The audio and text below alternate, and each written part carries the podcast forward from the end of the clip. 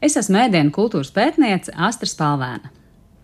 Vai zini, kāpēc pavārgrāmatām nevar uzticēties?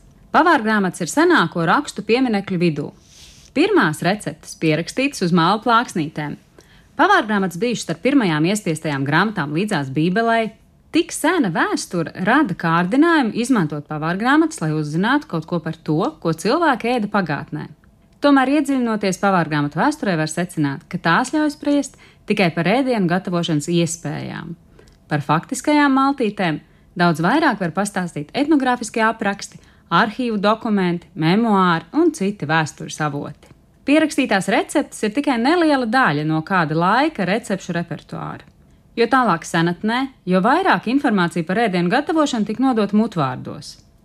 Piemēram, saimnieces prata izcept maizi, jo bija to apguvušas pieredzes ceļā, visbiežāk ģimenē.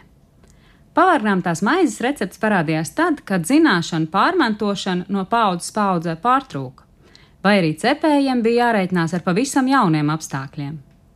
Maizes receptes sastopamas trimdas pavārgrāmatās 20. gadsimta otrajā pusē, jo valstīs, kur apmetās latvieši, rudzu maizi mājās necepa. Tādēļ nebija pieejams ne maizes krāsnes, ne rudzu milti un pavārgrāmatas deva padomus, kā izlīdzēties šādā situācijā. Arī parādoties maizes cepšanas mašīnām, tiek publicētas receptes, kas māca pielietot šo jauno tehnoloģiju. Pavārgrāmatas reaģēja uz apstākļu maiņu, tāpēc fakts, ka kādā laika posmā pavārgrāmatās nav maizes recepšu, nebūtu nenozīmē, ka to laiku maize necepa un nēda. Pavārgrāmatu mērķis bieži ir iemācīt kaut ko jaunu, pielāgoties jaunām situācijām, Ja kaut kas ir labi zināms, par to vairs nav vērts runāt. Ja visi prot ēst ar dakšiņu un nazīti, tad pavārgnām tās parādās, kā lietot austeru nāzi vai deserta dakšiņu. Turklāt šādi ieteikumi ļauj secināt, ka pārmaiņas bijušas vēlamas vai nepieciešamas, bet nav pamata domāt, ka tās patiešām notikušas. Piemēram, propagandas gadījumā. 30. gados Latvijā bija plaša cukuru propagandas kampaņa. Pavārgrāmatas veltīts dažādiem cukuru izmantošanas veidiem, taču statistikas dati liecina, ka cukuru patēriņš šajā laikā nav palielinājies. Jāņem vērā arī tas, ka pavārgrāmatas attēlo vienu šauru realitātes šķēli. Autors pārstāv konkrētu sociālo slāni vai etnisko grupu un rada priekšstatu tikai par savas kopienas uzturu paradumiem. Taču laikam ejot, šādas pavārgrāmatas var tikt vispārinātas, attiecinātas uz laikmetu vai teritoriju kopumā. Vēsturiski pavārgrāmatas bija adresētas profesionāliem pavāriem, aprakstīja elites paradumus un galvenokārt svētku ēdienu receptes. Zemāko slāņu uzturs ilgstoši netika fiksēts. Tautas ēdienu receptes tika izplatītas tikai mutvārdu ceļā. Arī ikdienas ēdieni netika pierakstīti, jo bija pārāk labi zināmi. Tāpēc, lai interpretētu pavārgrāmatu informāciju, jāpievērš uzmanība tās autoram, izdošanas nolūkam, kā arī laikmetu kontekstam.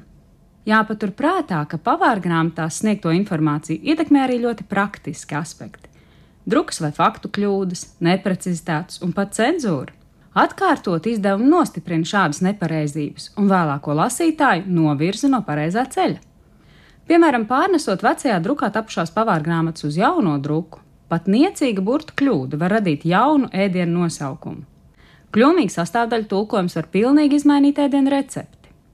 Ar pavārgrāmatām ir strādājuši cilvēki, kas daudz zināja par tekstu, bet nevienmēr tikpat daudz par ēdienu gan viduslaiku mūki pārrakstītāji, gan peļņas kāri izdevēji, gan tēlēni domājoši tulkotāji, un arī fantāzijas bagāti autori, kas receptes radīja, sapņojot par tālām zemēm vai labāku dzīvi.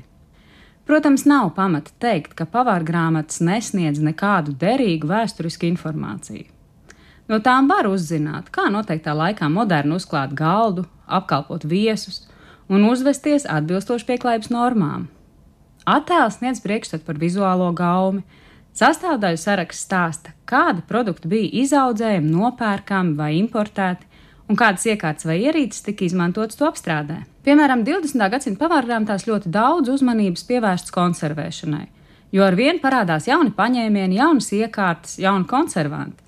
Vīna etiķa aizstāja spirta etiķi, salīšanu mucās, pasterizēšanu, vārīšanu sīrupā aizstāja kaltēšanu elektriskās krāsnīs. Pavārgrāmatas nav bezskaislīgs pagātnes procesu pieraksts. Tās vēlas mainīt, nevis fiksēt esošo. Tāpēc pavārgrāmatas, ja tiek uztvertas kā dokumenti, var maldināt. bet skatīts laikmetu kontekstā sniedz bagātīgu informāciju par vēlmēm un iespējām.